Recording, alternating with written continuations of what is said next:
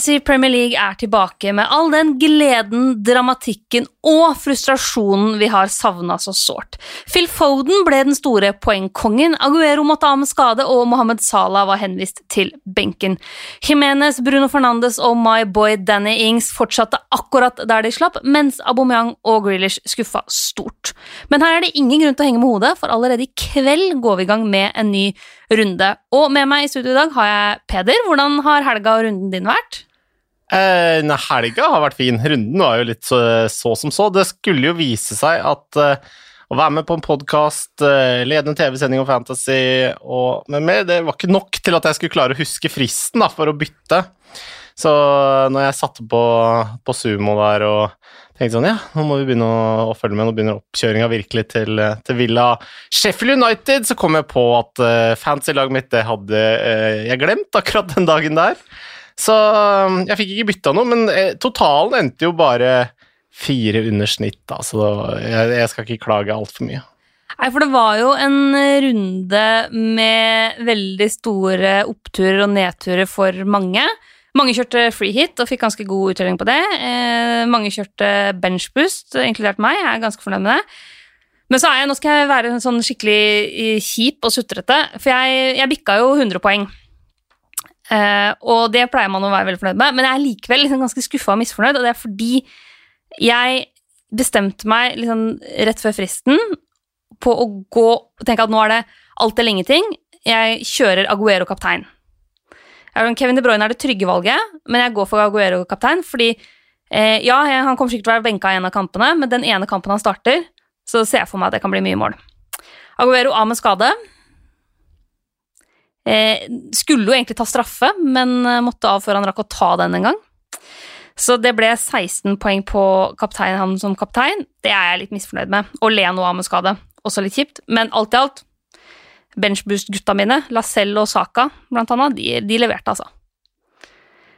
Eh, men Aubameyang er eh, en av de som eh, nok har frustrert mange.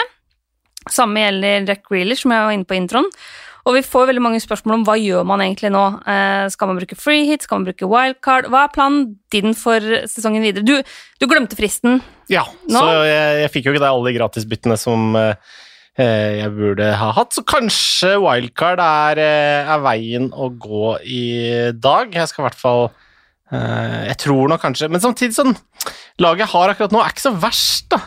Så jeg har et par Leicester-spillere hjemme mot Brighton, et par Wolves-spillere hjemme mot Bournemouth.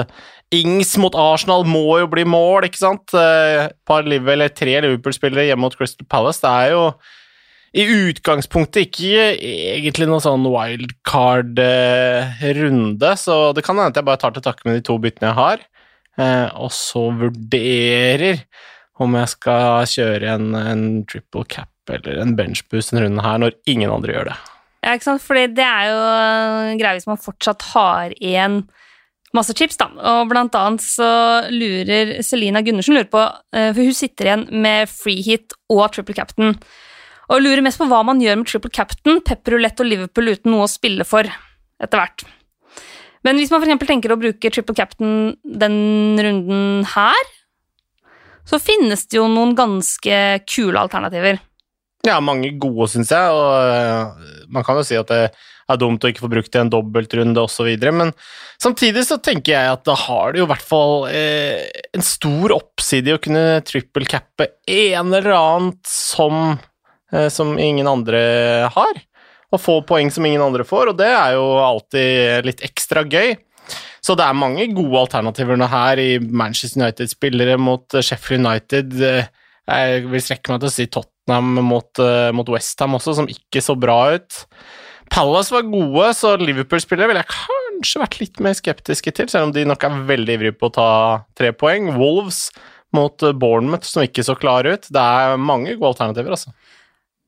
Og jeg tenker at hvis man har en triple captain nå, så er det jo bare å peke seg ut Kikke på kampene litt framover og peke seg ut hvilke kamper er det du føler deg tryggest på kapteinsvalget i. Eh, er det noen du bare merker at skriker ut mot deg? Og når det gjelder free hit, så er min plan er foreløpig å bruke det i siste runde, i runde 38. Med mindre det dukker opp et eller annet på veien, så er, har jeg lyst til å kunne bruke free hit i runde 38. Og det er fordi da eh, starter alle kampene samtidig. Så det er en viss sjanse for at man kan få noe sånne lekka eh, lagnyheter i forkant. I tillegg til at da veit man veldig veldig godt hvilke lag har fortsatt noe å spille for. Eh, og det er liksom siste kamp av sesongen, sånn at sjansen for at man kan klare å treffe på de spillerne som starter kampene, er ganske høy da, tror jeg. Og så blir det ofte mye mål i siste runde. Ja, pluss at eh, da har du den lille muligheten da, til å få sånne De, de, eks, de liksom virkelig morsomme poengene, syns jeg, er jo hvis man klarer å finne en eller annen unggutt som skal starte akkurat den kampen. Eh, jeg husker forrige sesong, for eksempel, hadde jeg Mason Greenwood inne den siste runden. Starta jo mot Cardiff da. Eh, burde jo skåra mål, hadde jo noen enorme muligheter. Jeg kommenterte denne matchen sjøl, og da eh, Å sitte og se på og kommentere at han brant av mulighet etter mulighet, og resten av Manchester United var helt fullstendig ubrukelig, den matchen der. Så den var jo Det var blanda, med blanda fryd at uh, jeg fikk den muligheten, men, uh, men noe sånt er også gøy, da.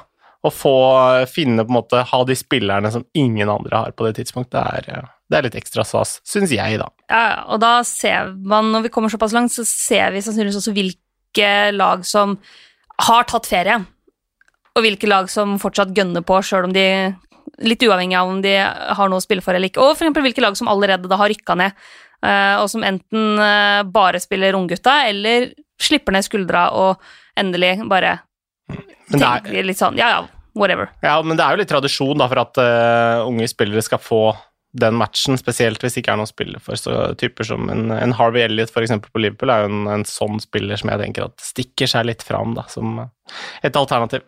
Ikke sant. Eh, Magnus Leo Leonardsen, eh, veldig godt eh, navn. Jeg blir alltid litt sånn glad inni meg når jeg ser eh, navnet Leo. Eh, det tror jeg mange av oss som så mye på landslaget på 90-tallet gjør. Eh. Han, han, skriver både free hit og wildcard er fristende nå. Er det nok verdi i kampene i runde 31 til å ta free hit, eksempelvis ved at man kan få med Liverpool offensivt, som har noe å spille for, ettersom man sannsynligvis dropper dem på et wildcard? Det er jo et stort dilemma for folk som har igjen wildcard, eh, om man skal kjøre free hit nå, eller om man skal kjøre wildcard. Eh, jeg har jo valgt å kjøre wildcard, og ikke free hit, for jeg har lyst til å spare det. Ville du vurdert free hit denne runden her? Uh, ja, det spørs litt hva du sitter med, da. Men uh, det er klart, har du uh, f.eks. Mange defensivt på Sheffield United, har du som du tenker at kan være verdt å ta med seg videre, så kan det Freet være et alternativ. Sheffield United borte mot Manchester United nå. Slapp inn tre i de motsatte oppgjør, fordi Dean Henderson kan jo ikke spille den kampen der. har du satsa litt ekstra på Arsenal? Uh, Chelsea-spillere. Så da, da, er det jo også sånn free hit-muligheter. Spesielt altså Sheffield United-Arsenal ville jeg vært veldig skeptisk til å ha mye, mye spillere på nå. Så har du det. Så nå snakker jeg litt mot meg sjøl, for jeg merker at det er det kanskje bedre å ta wildcard, men uh, samtidig Bortekamper nå, eh, litt vanskelige bortekamper for, for begge to. Så kan en free hit være en mulighet hvis du ser for deg at de kommer til å spille seg opp, da. Og så ser du jo, altså Hvis vi tar kampen denne runden her, da. Eh, Leicester hjemme mot Brighton. Brighton som tok tre vanvittig viktige poeng nå mot Arsenal. Eh, det er en kamp som kan være fin for eh, f.eks. Ben Chilwell. Kanskje man har lyst til å prøve Vardy Madison. Tottenham hjemme mot Westham. Jeg syns de altså Det virker som Mourinho er litt mer på sporet nå enn han har vært før. Eh, jeg ser jo for meg at en spiller som Hong Min Son kan eh, få til en del mot et Westham-lag. Der er det også flere gode alternativer. Eh, som du er inne på, Manchester United hjemme mot et Sheffield United som mangler både Egan og Henderson, og kanskje O'Connell, hvis han fortsatt er ute med skade. Bruno Fernandes, Rashford og én til. Så det er, og Wolverhampton hjemme mot Bournemouth, som Bournemouth ser svake ut. Wolverhampton bare fortsetter der de slapp, og ser ut som et kjempelag. Og Liverpool hjemme mot Crystal Palace, som kommer til å være veldig gira på å få med seg de tre poengene. Jeg ser absolutt at altså Jeg hadde ikke hatt noe problem med å velge elleve spillere på et freehit-lag til denne runden her, som jeg hadde tenkt at liksom, ah, det her blir gøy. Nei, helt enig med deg. Det, det, er en veldig god runde sånn sett å, å spille freehit, for det er mange gode lag som har hjemmekamper mot litt dårligere lag, så eh, hvis du ikke føler deg veldig eh, komfortabel med laget, så er det i hvert fall verdt å ta eh, et free hit om du ikke skal gå hele veien da, og kjøre wildcardet. Ja, for Mange spør også om wildcard. Eh, både Eirik Enbusk og Ruben Lie Monsen. Ruben Lie Monsen sier at det er sikkert mange som er på wildcard nå, etter å ha komponert et lag inn mot dobbeltrunden i runde 30. Gjerne kom med et foreslått wildcard-lag inn mot runde 31 som kan stå seg ut sesongen. Og jeg er jo på wildcard, så jeg kan jo bare si det som er mitt utkast nå, og så får du, Peder, ta en avgjørelse på om du syns det er et lag som kan stå seg ut sesongen. Da. Men det siste utkastet mitt, det er Nick Pope i mål. Eh, på tross av at eh, han eh, slapp inn fem mot City i går, men det er City. Takk det det så tungt. Button som andre keeper. Alexander Arnold og Docherty som mine faste forsvarsspillere. Så skal jeg rullere mellom Ward, Lacelle og Holgate, som alle er 4-3 forsvarsspillere som spiller. Så de skal rullere på den siste plassen. Midtbana blir Kevin De Bruyne, Hong Min Son, Richarlison og Bruno Fernandes, med Saka som første innbytter. Og spissrekka mi er Jimenez, Rashford og my boy Danny Ings. Hva syns du om det, Peder? Nei, det er et bra komponert lag, det der vil jeg absolutt si. Um, jeg har ikke noen veldig store innvendinger uh, umiddelbart. Det er jo Alexander Arnold var det eneste Liverpool-spiller. Ja, det er litt skummelt. Det er jo uh, et Ja, det, det, er, det, er, et dristig valg å gå med så få av de. Men samtidig ja, Liverpool eh, var jo middels, får vi si, mot, mot Everton. Og ja det, Dommen er fortsatt ute da, på hvordan de kommer til å se ut som lag etter denne pausa. Ligagull er ikke noe fare med, det, det kommer uansett. Men de, altså Manchester City er det laget som har imponert meg soleklart mest. De har sett, de har sett ekstremt klare ut. Mm. Alle spillerne har fått, uh, fått matching.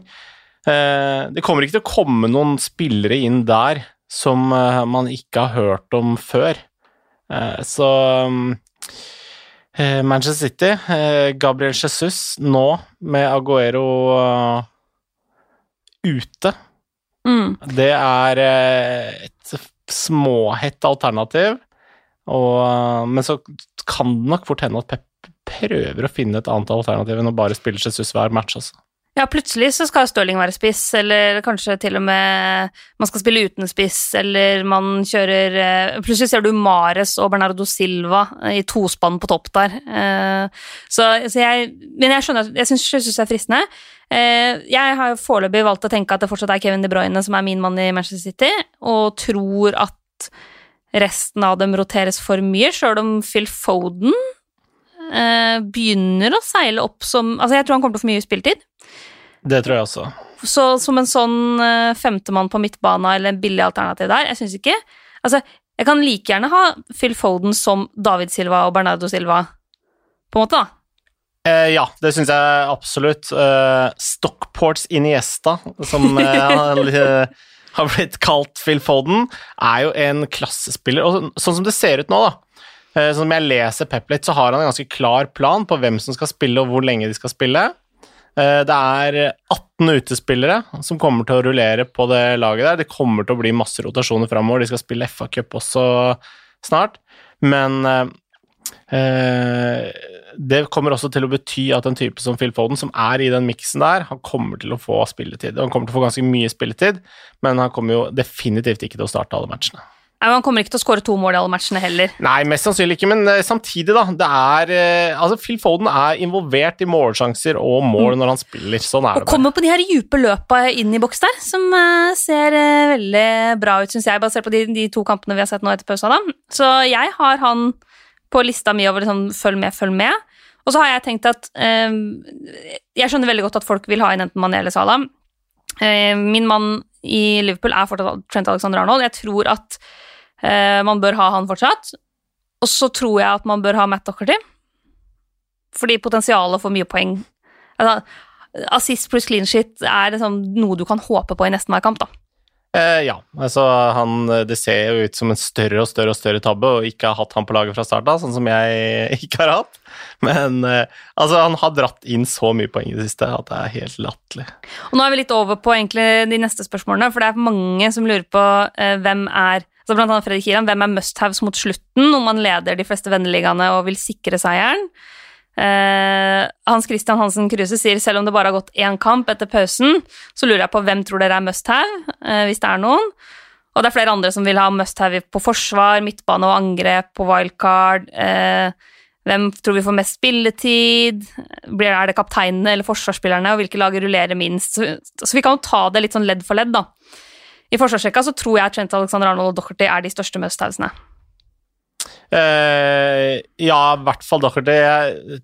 Trent er såpass dyr at jeg er litt mer usikker på han. Ja. Um, uh, men, men Docherty mener jeg er Det er en 100% Han bør definitivt uh, inn. Og så er det jo klart den dødballfoten til, til Alexander Arnold gjør han jo såpass verdifull at eh, han med stor sannsynlighet kan være verdt å ha, men eh, altså Eh, jeg kunne vel tenkt at det kan være like greit å gå med en, en van Dijk Matip nå ut med skade. Plutselig er Joe Gomez et, eh, et hett alternativ, så, Ja. som er veldig mye billigere, da, og som allikevel kan være en, en, et godt valg. Og vi tror vel i utgangspunktet at midtstoppere er mindre rotasjonsutsatt enn backer. I utgangspunktet, ja. Van Dijk kommer til å spille uansett. Og så tror vi vel også at det er større sjanse for at midtstoppere spiller 90 enn at backer gjør det. Ja, de blir ikke plukka av etter 58 minutter, nei. Men samtidig så jeg, jeg merker at jeg, jeg egentlig Jeg har ikke noe mot å ha et par backer på laget mitt som blir plukka etter 65 minutter i kamp etter kamp, altså, fordi at eh, jeg tror det kommer til å bli en, en del mål mot slutten. Jeg synes eh, Så langt så har det sett ut som om laga er ganske gode defensivt i starten, og så blir man sliten etter hvert. Eh, Og da kommer det inn friske bein fordi man har fem bytter osv. Så, videre, og så, videre. så det å ha et par bekker som kan gå av på 65 minutter, få med seg clean shit og kanskje en assist, og så eh, ja, Og starte neste. ja, og så slippe at man, de måla som renner inn på slutten uh, imot. Men nå er vel, det, er spek ja, det er mye spekulasjoner. Men jeg vil også bare lansere Manchester United defensivt. Maguire, Wambisaka. Kjempefint kampprogram. Ikke så dyre.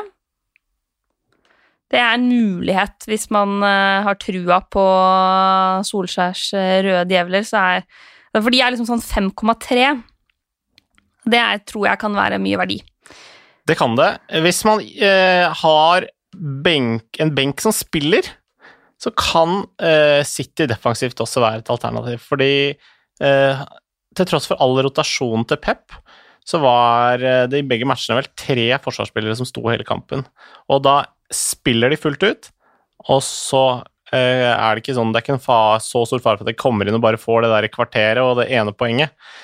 Eh, Så eh, Kyle Walker 5-6 er jo dyrt, men en, eh, en Mendy der, eh, 4-9, Cancelo 5-1, begge de to kan være artige alternativer hvis man tenker at hvis de spiller så bra, hvis ikke så har jeg en som kan gå inn og fylle det rommet. Ikke sant? Trenger man noen billige alternativer, så har du selvfølgelig eh, altså, Jeg er litt usikker på den skaden til, eh, til O'Connell, hvor lenge han er ute. Jack Robinson har jo spilt nå de to siste, han koster fire blank, men jeg tror sist jeg så at O'Connell kanskje blir klar til den runden her.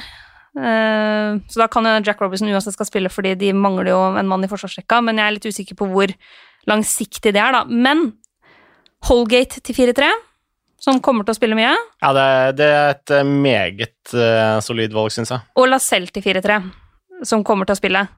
De to, tenker jeg, og, og- både altså Newcastle har fine kamper eh, de tre neste kampene. Eh, Everton har også eh, litt sånn, ja, De har Tottenham, blant annet, men de, de er ikke helt krise hvilken kampprogram med deres heller, og det blir ganske bra mot slutten. Så det er mine sånn billiggutter. Der er det De kan roteres, og så får man to til prisen av én. Absolutt. Gode valg. Hvem, du, hvem er øverst på ønskelista di på midtbanen? Uh, jeg syns jo uh, Paul Pogba kanskje er et, uh, et alternativ for min del. Han var strålende etter at han kom inn. Veldig kult å se Paul Pogba spille fotball igjen. Det har jeg savna, merka jeg. Og han koster ikke så mye. 8-3, da. Et bitte litt billigere alternativ enn Bruno Fernandes. Noen tideler eh, å gå på der, så kanskje det kan eh, kan være en, eh, en artig variant. Ja, åh, ja. Det er jo veldig gøy hvis det, når, når det løsner for Pogba. Eh, jeg har jo gått for Bruno Fernandes, eh, og han er nok øverst på min ønskeliste, men jeg syns Pogba er veldig veldig spennende og gøy, og kan bli veldig bra. Og så syns jeg jo Rashford Eh, og så er eh, Det er forstått ikke på midtbane, hvis man skal tenke United, så er nok Rashford min nestemann der òg. Men hvis vi ser på altså, kampen mot uh, Tottenham, da, endte 1-1, så er jo Bruno Fernandes har flest avslutninger, med fem, tre på mål. Nestemann er Hong Min Son med fire skudd, to på mål. Så det er liksom de to som er de mest skuddfarlige i den kampen her. Uh, er Hong Min Son noe du vurderer? Han er alltid oppe til uh, vurdering. altså, han han er det. Uh, meget uh, Altså, jeg er også veldig Homminson-fan. Jeg bare syns sesongen hans har vært så rotete. Og det stoler liksom ikke helt på at det uh, plutselig kommer på skinner igjen. Det blir et kort eller har, armbrudd, liksom? Ja, det, er, det, virker som det bare har sporet av. Så jeg tenker sånn, neste sesong, da, da, kjører vi sånn igjen. Men akkurat nå så er jeg litt sånn Jeg syns uh, Tottenham generelt Det er et eller annet med det laget den sesongen her. Det har vært så mye opp og ned at uh, man blir litt sånn Uff, ja Hvorfor skal det gå så mye bedre nå enn eh, det har gjort tidligere? Og sånn er ganske dyr også. 9-7. Det er eh... Altså, han er nok ikke must-have, han er mer i, i jokerland, tror jeg. Jeg ja. har den jo, men Ja, men han er ikke eid av så mange, så sånn sett så en, en liten diff er han 7,1 jo. nå. Så det er eh, For all del, det, det, er et godt alternativ. Men det, det, er jo andre spillere der også, da, som kan være Eh, kan være interessante. Bergveien der, 7-4, ja. som uh, hamra inn et mål mot Manchester United, det Jeg vil si at det frister like mye. Ja, fordi du er litt sånn på hipstervalgene. Prøver det, da. Prøver ja. å, å, snike meg oppover med de artige valgene nå på slutten. Bergveien er da 1,7 ja, og det er jo lite, da, på sett og vis. Jeg var litt skeptisk da når han kom til, eh, til eh, Tottenham, egentlig. De, jeg kommenterte han en god del matcher, syns aldri han har imponert meg veldig, men til, har vært eh, til tider meget bra i Tottenham. Så um, håper jo at jeg tar feil, selvfølgelig. Altså, jeg syns han var veldig artig i PSV. Men det er klart det er forskjell på på å spille i Nederland og å spille i England. Det er forskjell på å spille for José Mourinho og å spille for alle andre. Men jeg er enig i at han, han er verdt å følge med på. Det er det. Og så er det jo angrepsrekka. Hvem er, ville vært førstemann på ønskelista di der, hvis du skulle valgt en spiss? Um, tja Det er egentlig et uh, litt vanskelig spørsmål, men kanskje en, uh, en Harry Kane, da? Ja. Eh, hvis vi skal gå Tottenham-vei Jeg liker jo Harry Kane veldig godt, så jeg syns jo det, det hadde vært gøy hvis han skulle begynne å score igjen. Nå snakker jeg mot meg sjøl igjen, da, siden jeg akkurat snakka ned Tottenham. Men, eh, men, Harry Kane jeg tror jeg kommer til å skåre litt mål herfra og ut til sesongen. Håper det for, for hans del, for Englands del, eh, landslaget og, og alt. Uh, Jimenez er vel kanskje allikevel den som jeg tenker er ja. Ja, Som er bankers, da. Ikke for dyr. Wolverhampton med bra program. Um, og, og, er, er klassespiller. Ja, og det er, altså, Kane har jo fått en del kritikk etter den United-kampen og har jo liksom én avslutning, men der sier jo også Mourinho at han har ikke spilt fotball på et halvår. Eh, han trenger litt tid. Det kan jo helt fint være at den, en hjemmekamp mot Westham er det Kane trenger for å komme i formen, men jeg er helt enig med deg at eh, altså, Wolverhampton og Jimenez er liksom numero uno på, for meg. Jeg syns, det må jeg bare si, Wolverhampton Herlighet så bra de ser ut. Ja, eh, men samtidig, altså eh, De har, eh, de har hatt litt sånne matcher tidligere i sesongen også, der man tenker sånn Man har gått og venta litt på at det skal løsne, da. Det har vært vanskelig å slå, men samtidig kanskje ikke vunnet så mange matcher som de burde ha gjort. Og det, det, det har vært opp- og nedtur med Wolverhampton også, altså. Men det er klart, på sitt beste de, de, de, har jo et fantastisk lag. Det er ikke uten grunn at de har slått City f.eks. i begge matcher. Det er mye kvalitet der. Og jeg mener jo egentlig at man kan, man kan helt fint ha tre Wolverhampton-spillere framover på laget sitt, eh, med tanke på hvordan de ser ut og det kampprogrammet de har. Altså Bournemouth, Villa, Arsenal, Sheffield United, Everton, Burnley, Crystal Palace, Chelsea er de kampene de har igjen denne sesongen her. De kan skåre mål i alle de kampene. Eh, det kan de jo definitivt, og der har vi jo et uh, interessant valg i han som kanskje skårer rundens mål, da i, forrige match med Pedro Neto, som fort kan få litt spilletid framover, han også, så vi, Han er ikke noe bankers førstevalg, men igjen, for hipstervalgene, bare følg meg der. Ja. Ole Tobias Jacobsen trenger en erstatter for Dean Henderson. Dean Henderson kan jo da ikke spille mot moderklubben Manchester United. Eh, mange ser jo kanskje på Martinez, Arsenal-keeperen, som plutselig nå kom inn. Koster 4-2. Men så går det en rykter om at Arsenal kanskje skal signere Joe Hart. Så jeg er litt sånn hm, følger litt med på hva som foregår der, tror jeg.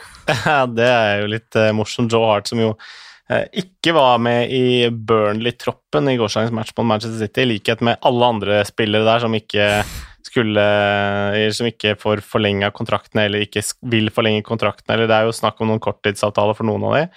Den fristen her går jo ut i løpet av dagen, så vidt jeg veit. Og der er det jo Altså, den, den, troppen som Burnley stilte med i matchen mot Manchester City, det er det tynneste jeg har sett noensinne i en Premier League-kamp. Det var Altså, det er nesten ikke spillere der som har Premier League-erfaring. Det det er, helt sånn sjokkerende. De, med, de har jo muligheten til å ha med ni innbyttere nå. Tok med sju. Tre hadde aldri spilt Premier League-fotball. Og to av de var keepere. Og det var bare sånn eh, altså man, Jeg satt litt og rista på hodet og tenkte sånn Ok, hvem har du egentlig tenkt å sette inn her, da? Og det er liksom typisk Du, du har plutselig fem bytter. Gjør to. Ja, altså det er jo eh, Altså Sean Dyche, han, han, har en jobb å gjøre, og Burnley så helt eh, borte ut, da. Ja. Det snakkes jo litt om at nå, de ble litt satt ut av den derre eh, flyaksjon rett i forkant av avspark der. ja, Ben vi var veldig misfornøyd med det. Ja, som du bare er på sin plass å fordømme på det groveste. Eh, og det er jo um, veldig um, eh, Det er jo synd for, for, Burnley. De hadde ikke hatt sjanse mot Manchester City uansett. Men eh, jeg syns de, de, leverte svakere enn jeg hadde forventa. Ja, bare for, de som ikke fikk med seg det, så kom det jo da et fly over stadion hvor det sto uh, White Lives Matter Burnley på, uh, mens man hadde liksom Black Lives Matter på draktene og markering og alt mulig. Ben Mi veldig tydelig etter kamp på at uh, han syntes det var ekstremt flaut på, liksom, og beklaga på vegne av klubben på alle mulige måter. Så det er mulig de ble litt satt ut av det. Men ja, Burnley har en kjempetynn tropp. Eh, jeg har jo allikevel Nick Pope i mål. Han er liksom min go to-keeper. Ja, men han er en kjempebra keeper. Men jeg, eh, altså jeg er litt skjepisk eh, til Burnley etter den, eh, den opptredenen i går. Men samtidig, du veit jo med Ben Mi, Tarkovskij foran der, sentrallinja er den samme. Laget er egentlig akkurat det samme som holdt nullen fire av seks matcher rett før pausa. altså det er eh, sånn sett ingen grunn til å være altfor forsiktig med en gang. Men eh, jeg tror man skal følge nøye med på den kampen mot eh, Watford på torsdag. Og så tror jeg hvis man, hvis man, har lyst til å bruke mye penger på keeper og bare safe, så tror jeg at jeg ville gått for Ederson. Fordi han er det eneste safe valget i Manchester City, og ja. jeg tror de kommer til å holde en del nullen. Helt enig. Alternativt kan du gå for Alison, liksom. Hvis du har så mye penger å bruke på keeper. I det mellomsjiktet, altså David De Eh, det her er et alternativ. Uh, gode Koster 5-3. Ja, han har jo dumma seg for mye ut, da. Og det er så irriterende å ha keepere som plutselig gjør tabber som gjør at de slipper inn mål. Jeg er jo av de som mener at den nå burde han definitivt ha tatt. Ja. Samtidig så Altså, i gode keepersjiktet så er jo Matt Ryan en fyr som jeg gjerne ville slengt fram der, da. Fordi jeg syns han er en meget, meget god keeper, men Brighton er et ganske tøft opplegg framover. Mm. Selv om de så ganske bra ut nå mot Arsenal, og, og vant, eh, om ikke fortjent, så i hvert fall helt greit. Så det kan være et, eh, et alternativ hvis du har sånn at du kan rullere på keeperne, og ikke nødvendigvis bruker den samme keeperen hver gang. Ikke sant. Hans Martin Wiberg eh, lurer på Tottenham-forsvarere. Han mener at det virker som om Mourinho kan ha funnet igjen bremsepedalen til bussen sin. ja, kanskje det. Uh, var veldig fornøyd med Eric Dyer, f.eks. Nå står jo han som midtbanespiller eh, riktignok her, men eh, det kan jo være mulig. Horier vel det billigste alternativet. Og det artigste? Ja, han er jo gøyal spiller. Det er han jo. Altså, ja, rotasjons, rotasjonsutsatt, og du veit aldri når han lager straffe eller kommer et rødt kort, men eh, når han først har dagen og durer på offensivt der, så er det jo artig.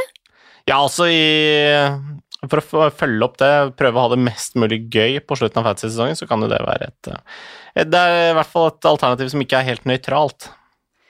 Så får vi noen spørsmål om eh, billigspisser. Eh, Sebastian Folschert lurer på Calvert Lewin, Jimenez eller Danny Ings. Der er vel Jimenez vårt første valg? Ja, men han er mye dyrere enn de to andre, da, så ja. det, der, det der er jo egentlig tre stykker du kan ha alle. Ja, altså, jeg satt og kikka på den angrepsrekka der og tenkte ja, skulle man gått for uh, Calvert Lewin, Jimenez og Danny Ings på topp da, mon tro, og så ha en del penger til å bruke andre steder? Artig, det. Ja, det syns jeg. Calvert Lewin er, eh, er, bra. Han så fortsatt god ut mot, uh, mot Liverpool, syns jeg. Ikke, ikke noe mål den gangen, men han så fortsatt såpass skarp ut at han kom seg til noen sjanser og vant mye dueller som han pleier å gjøre. og er, han, han, er klasse. Ja, og det er også flere som spør om, om Danny Ings. Noen lurer på tanker rundt Mopai. Uh, jeg tror ikke jeg hadde gått Mopai sånn egentlig. Uh, jeg syns Ja, han scorer nå, men jeg, jeg, tror det er bedre verdi hvis du går bitte litt opp, da. Eh, ja, det tror vel jeg også, selv om eh, eh han putta på et strålende mål og ble matchvinner mot Arsenal igjen, da, for andre gang på rad. Altså, Mopai er litt sånn Du kan godt gjøre det hvis du vil ha en joker som er litt artig, men jeg ville ikke forventa voldsomt mye. Nei, dessuten har Brighton et veldig tøft program, ja. og det er egentlig det beste argumentet mot. De har eh, Leicester borte nå, så skal de til, eh, til Manchester og spille på Old Trafford, og så er det riktignok en bortekamp, men mot Norwich. Den er fin, men så er det Liverpool og Manchester City de to neste. Så Brighton de, de trengte desperat tre poeng mot Arsenal, fikk det, men nå er det, nå er det De fire av de fem neste er blytunge. Og så lurer Håkon Kvamsø på beste tredje angrepsspiller for maks 5,5. Det er ikke så veldig mange å velge i den der maks 5,5, så jeg vil jo fortsatt si at da er det Ayu til 5,2. Som jeg fortsatt mener er det beste alternativet til under 5,5. Um, ja, men da skal, jeg, vet du hva, da skal jeg komme med et alternativ som er, jeg syns er ganske bra. Eh, og det er en spiller som kommer til å få spille en del framover, eh, på Arsenal. Eddie Nketia. Som ja. fikk masse ros av Arteta for måten han sto fram på mot eh, Manchester City. Er eh, meget skarp. En, virkelig en mann for framtida. Kommer til å få en del spilletid på, på slutten her. Og altså Arsenal er i en litt vanskelig situasjon nå, fordi de har en del dyre spillere som ikke leverer godt nok fantasy-messig. Eh, så jeg syns mange av de, de, heiteste alternativene der er jo Saka, som du har, på til 4-7. Enketia 4,4 er eh, budsjettalternativet fra Arsenal. Da må man selvfølgelig regne med at her er det ikke starter hele tida, men han kommer til å få såpass med spilletid på tampen av sesongen at han fort kan levere en del poeng. Ja, og det, altså jeg har også lekt meg med et, en variant med 3-5-2. Og da ha inn enten Greenwood eller Nektia som uh, den siste spissen, og så benke de, og så da ha fem på midten. Uh, jeg syns ikke det er så dumt heller, fordi de, begge de tror jeg egentlig kommer til å få en del spilletid.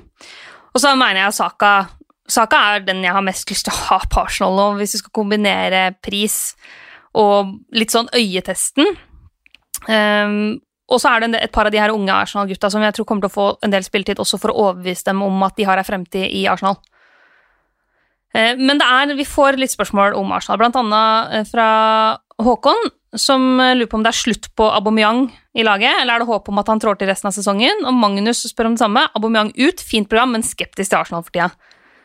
Her er det definitivt håp, ja. Eh, han er fortsatt akkurat like god til å spille fotball som han har vært tidligere. og det er nok mange som tenker sånn. Jeg også ville vært veldig skeptisk til, til Arsenal. De var ikke gode mot Brighton og hadde, var sjanseløse mot, mot City, men det er ikke kjørt for Arsenal ennå. Og uh, Aubameyang han, han, kommer til å skåre mål før sesongen er ferdig, men hvor mange det blir, det, det gjenstår litt å se. Han er jo ikke som brukes som oftest ikke som midtspiss, og litt av det problemet som jeg har med, med den Ariteta-setupen, er at han ikke er like mye bakrom som jeg ofte syns han kan være ellers, da. Han, han truer ikke like mye mot målet som, som jeg liker å se Aubameyang, i hvert fall. Mm.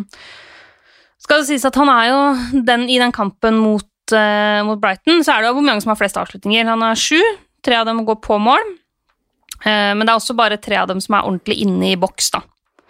Uh, og det er jo også da flere som altså, De har ikke så høy expected goal, hvis man skal snakke om, om sånne type ting. Jeg kommenterte det verset, satte sju avslutninger på Aubameyang. Det høres helt feil ut, men da, så det, det er nok mye som er eh, særs middels, for å Ja. si det sånn. Og så er problemet at han, at han er så dyr. Ikke sant? Altså, det er noe med at eh, Jeg selger han jo nå, men det er noe med at når, når han koster altså eh, Han er en av de dyreste spillerne på spillet. Han koster 11 blank, og du kan få Jimenez som koster 8,2, da. Så du sparer nesten 3 millioner på en spiller som sannsynligvis kommer til å levere minst like bra. Så for meg så tenker jeg at eh, altså, Aubameyang kommer garantert til å score nå fordi jeg har solgt han, og det pleier han å gjøre. Han har Southampton og Norwich på de to neste, kan absolutt få med seg en del der, men det blir for dyrt. Ja. Det Høres fornuftig ut. Eh, så jeg stemmer nei. Crystal Palace. Eh, Håkon, Det er veldig mange som heter Håkon den gangen her. Alle har ulike etternavn, men eh, det er et fint navn, så hyggelig det. Eh, Håkon eh, Ait Sommerseth lurer på hva vi tenker om formen og kampprogrammet til Crystal Palace. Hvilke spillere er interessante? Du sa at du syns Palace så bra ut. Eh, ja, veldig solide, da. Veldig eh, kult å se at eh, selv om de har havna i et slags midtsjikt, der eh, de i hvert fall i utgangspunktet da, eh, kunne tenke at uh, det er ikke så altfor mye å spille for, vi er fornøyde, vi beholder plassen, det er ikke noe stress. Så, så går de på banen og uh, ja, jeg leverer en, en god kamp, en bra kampplan, slår Bournemouth 2-0 etter to tidlige goller og er meget solide. Og det er jo faktisk så bra nå at de kan jo være med å, å kjempe om europacupspill. Jeg lo litt av det i starten av sesongen. Jeg husker jeg kommenterte en match ganske tidlig når Crystal Palace tok steget opp på fjerdeplass med en seier.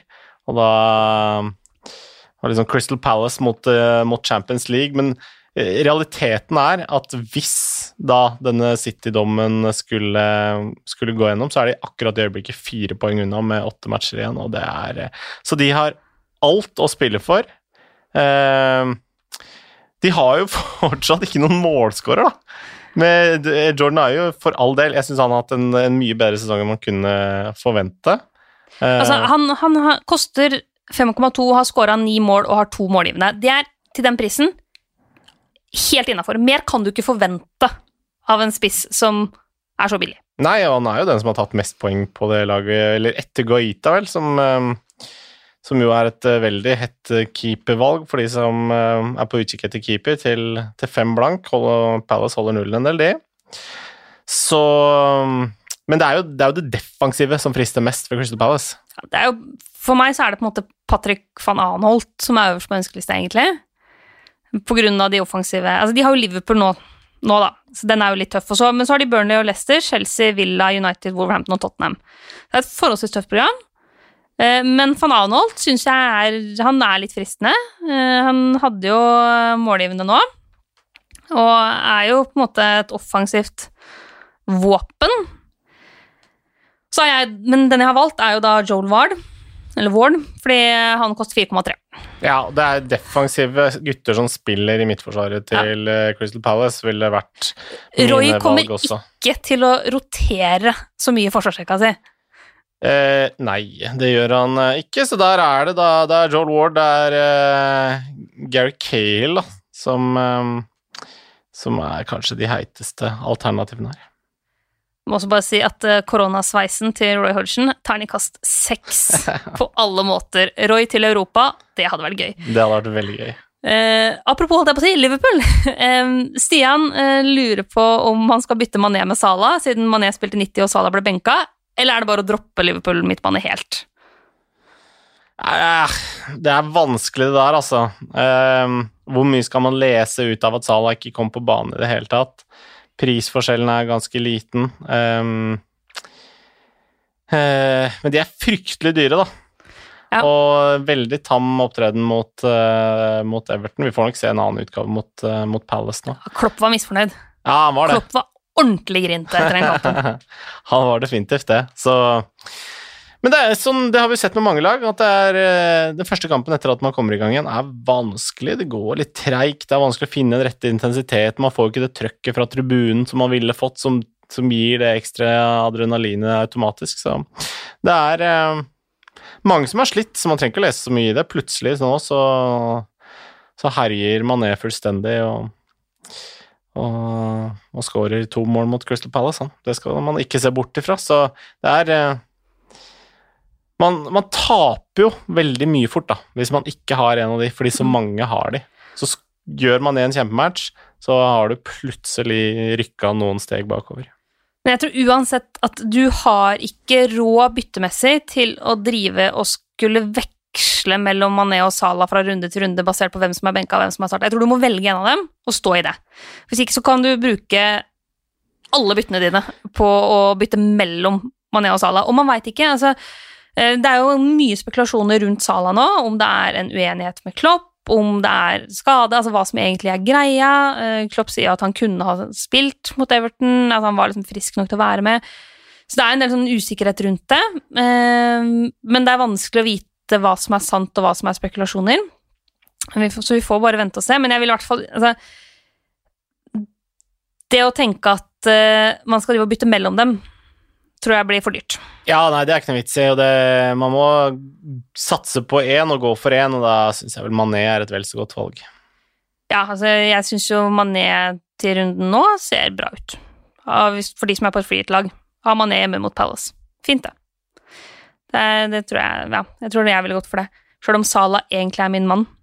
Vi har jo snakka litt om Newcastle allerede, men vi har også fått et spørsmål fra Håkon Kvamsø som eh, lurer på hva vi tenker om Newcastle-spillere, og han trekker fram noen av de vi har vært inne på. altså St. Maxim er fristende med tanke på prisinnvirkning på lag. Lacelle og Fernande som har billig forsvar, kan gi deg clean shit og innimellom bonuspoeng. Men han trekker også fram Matt Ritchie, som står som forsvarer til 5,3, spiller wing. Uh, er det et alternativ? Uh, ja, jeg syns jo når Newcastle møter fotballag som de uh, er litt dårligere enn, så syns jeg jo det er veldig snilt å kalle Matt Ritchie wing, da. For han spiller jo på mange måter back i en sånn eh, femmer. Men uh, tja Kanskje. Men jeg ville vel ikke satsa alt på at han skal levere mål og assist i hver eneste kamp, akkurat, med tanke på at det var de første han hadde hele sesongen. Men, og har jo slitt med skader. Da, ja, og så er det jo selvfølgelig potensialet på at han har dødballer.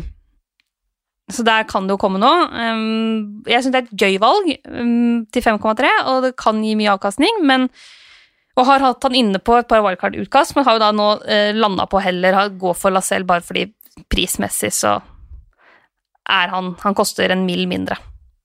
Men hvis du har lyst på en joker, så syns jeg Matt er gøy. Jeg syns også St. Maximin er gøy for de som sånn, bare vil ha en artig spiller og kan støtte det, sjøl om jeg ikke kommer til å gjøre det sjøl.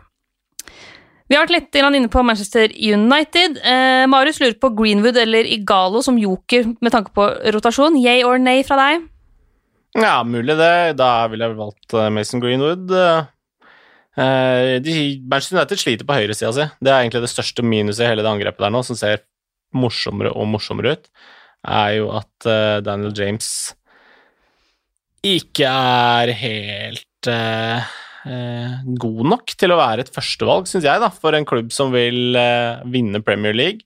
Han er en impact-spiller, en kontringsspiller, en fyr som per nå, mener jeg, er best brukt hvis han bare kan være en innbytter. Komme inn og prøve å løpe lagstykker når de allerede begynner å bli slitne. Mm. Fra start av så er han litt begrensa.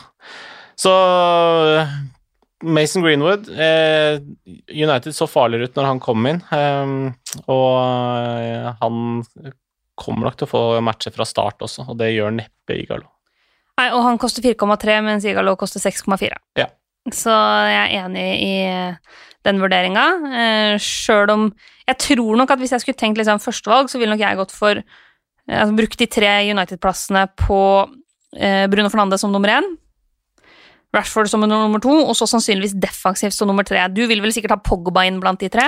Ja, og Martial er jo fortsatt spiss og koster åtte millioner og står som midtbane, og det er et bra alternativ uansett hva man syns om uh, hvor, frustrer hvor, frustrerende Martial kan være. Altså, han blir skada hver gang jeg tar han inn på laget, så av hensyn til alle United-support, Manchester United-supportere der ute, så skal jeg droppe å ha Martial på laget mitt. Ja, det er sikkert hyggelig for, for United-supporterne, men samtidig så mener jeg at for alle dere andre da, som ikke lider den risikoen, så er Martial et, et godt valg. Eller så kan jeg jo bare nevne eh, at Mason Greenwood han skåra jo sitt første Premier League-mål mot nettopp Sheffield United, så alternativet er ikke så dumt. Ikke sant, ikke sant.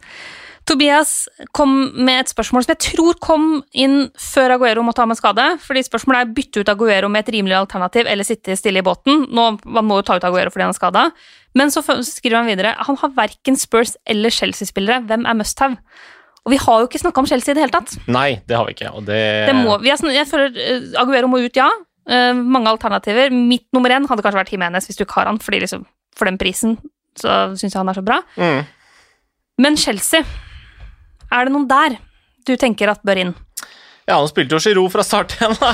Så det er jo alltid, alltid en mulighet. Han har jo plutselig fått litt sansen for Giroud, virker det som. Lampard starta de siste matchene før, uh, før det avbruddet. Uh, starta en nå, scora mål, er uh, Han er jo veldig bra, da. Men så er jo denne kontraktsituasjonen som vel er litt uavklart foreløpig, vel? Så fotballframtida til Giroud? Så jeg, jeg, er minst like usikker på rotasjon i Chelsea som jeg er på rotasjon i City. Jeg tror Lampard også kommer til å røre masse i gryta den sommeren her. Og jeg tør ikke altså, I og med at Giroud starta, så tør jeg ikke å sette inn Tammy Abram.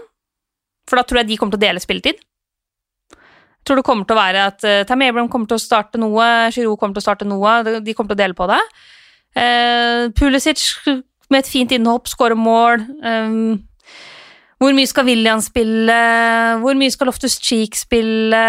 Hvor mye skal etter hvert Callum Hudson og Doy spille? Hvor mye skal Mason Mount spille? Jeg syns, jeg syns det er vanskelig, da. Ja, og så må jeg bare ta med at Giroud har jo signert en forlengelse, så han blir jo ut neste sesong også for Chelsea, så der er det Det er jo rydda opp i. Han hadde en kontrakt som gikk ut den sommeren her, han også, i likhet med en del andre spillere som det er uh, mer trøbbel rundt. Mm. Så ja, det er mange mange artige alternativer. Du dro jo fram Pulisic før den runden her, og det må jo sies å være et bra treff.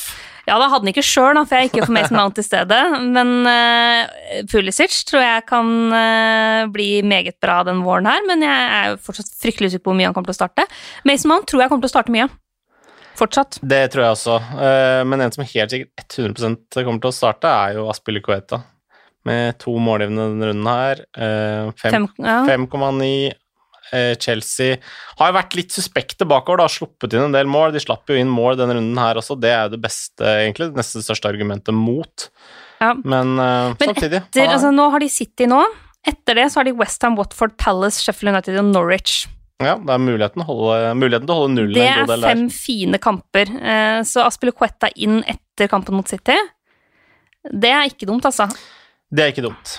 Så tror jeg eh, Jeg tror jeg tar ut Mason Mount nå. Jeg har hatt han inne på et par wildcard-lag. Det er fordi jeg tror Mason Mount kommer til å spille mye. Men jeg er usikker på hvor mye målpoeng det kommer til å bli. Jeg syns han så bra ut mot Villa. Jeg var nære på å få assist der, men jeg syns det er så vanskelig å spå hvordan de målpoengene i Chelsea sprer seg. Og da føles det tryggere å f.eks. gå for Richarlison, da, som nå spiller spiss for Everton, og kommer til å spille mye og kommer til å være veldig involvert, kontra å prøve å plukke hvem av Chelsea-spillerne som både skal starte og være involvert i målpoenga. Vi må ta noen sånne dilemmaer og dueller før vi avslutter, hvis du ikke har noe mer du har lyst til å legge til på Chelsea. Eh, nei, det har jeg ikke. Men Aspilicueta, den liker jeg. Det er good call. Heller han enn Alonso. Eh, ok, noen dueller her. Estin, eh, punktum Eker, Grealish eller McGinn? Uh, McGinn er billigere, eller? Ja. Og da tar vi han. Grealish ganske dau de to kampene her, eller? Ja, ikke bra. Uh, Knapp den avslutning. Ja, men Villa generelt sett fryktelig skuffende, og det Det var egentlig sørgelig å se mange av lagene som ligger i nedrykksstria nå, hvor uh, ja. hvor dødt det var, så det håper jeg jo på veldig umiddelbar bedring for, for absolutt alle av dem. Ja, jeg hadde jo hausa Grealish på forhånd. Eh, Han var eh, skuffende. Eh, McGinn syns jeg så mye mer målfarlig ut. Så ja, jeg er enig der. AS Bear Lote, eller noe sånt noe, på Instagram, har to spørsmål. Først Grealish versus Sarr. Nei, Sarr, eller? Ja. Watford det. litt artig, da, eller? Ja, ja. De gjorde seg ikke bort mot Leicester der i det hele tatt. Nei, det gjorde de definitivt ikke, og Sarr er jo eh, Han kler Premier League bedre og bedre, og eh, ikke minst eh, midtbanespiller som spiller veldig offensivt. Jeg kan jo si at det dilemmaet jeg står med på wildcard-laget mitt, som jeg må finne ut av i løpet av dagen, er om jeg skal gå for Danny Ings, Richarlison og Lacelle, eller om jeg skal gå for Matt Ritchie, Ismaila Sarr og Dominic Calvert-Lewin. Ja, men du veit jo at du ikke kommer til å droppe Ings, så det er jo ikke Ja, ja, men jeg har, veldig, jeg har kjempelyst til å ha Sarr, er greia. Jeg har veldig, veldig lyst til å ha Sarr, for jeg syns han er så, er så artig å ha han på laget. Det er så gøy å se han spille fotball, og da, Watford syns jeg var gøy. Watford har jo eh, hatt eh, egentlig ganske dårlig utdeling denne sesongen. her, Er et mye bedre lag enn tabellsituasjonen skulle tilsi. og har begynt jo etter hvert å ta de poengene som de, de burde ta. Og um, borte mot Burnley, hvis de fortsetter å være like tamme, så kommer de til å skåre mål. Simon Kaute lurer på var det Ings og Redman eller Kane, Calvert-Lewin og Ward Prowse. Mm, første, eller? Ja, var det Ings og Redman? Jeg liker var det, da. Ja.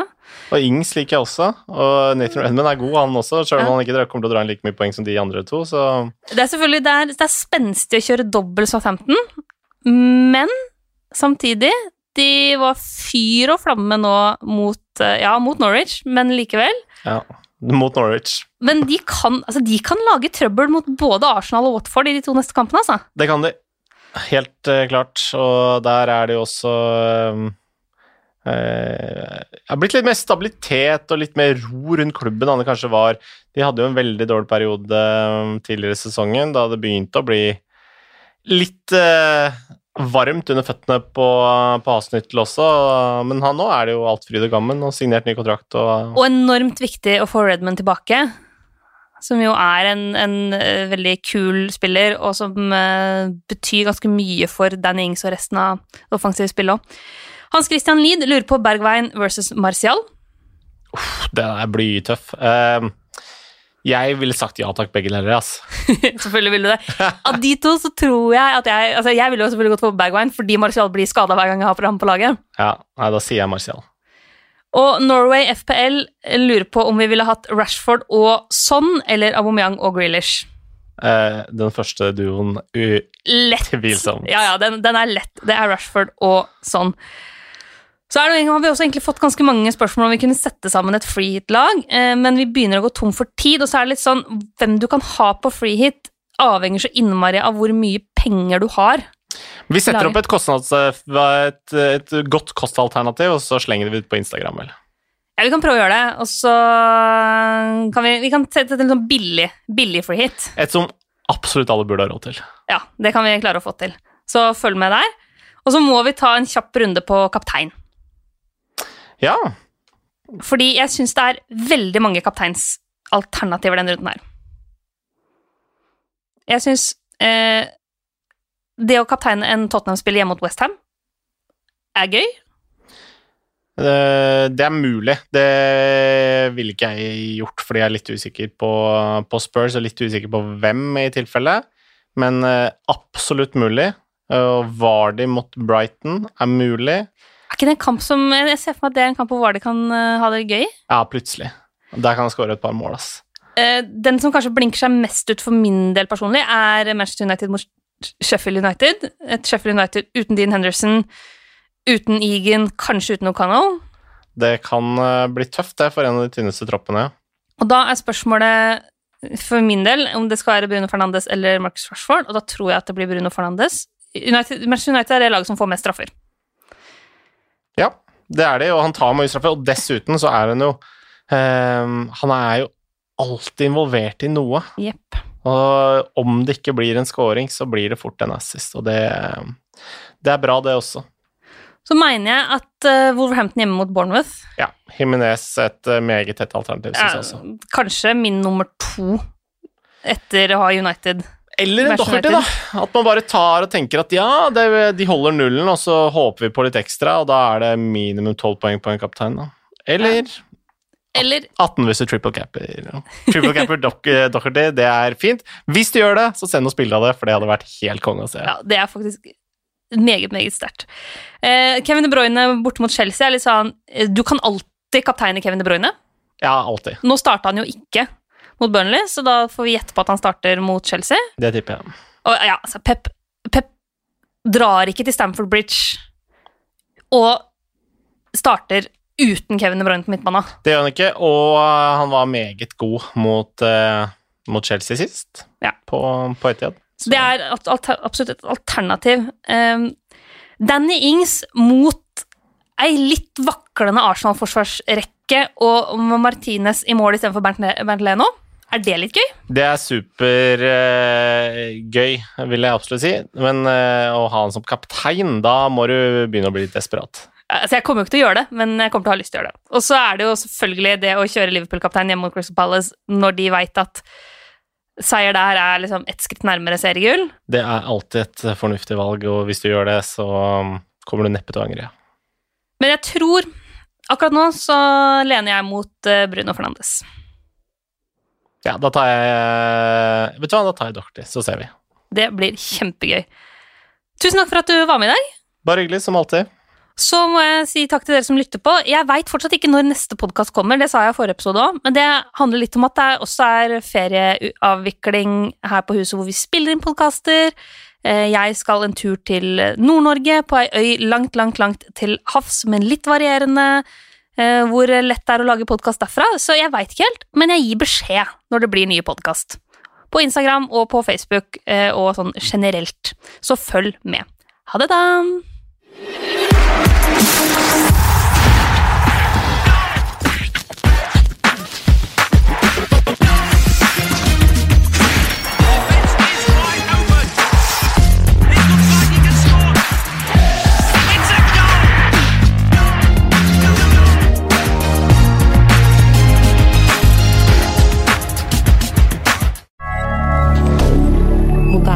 العودة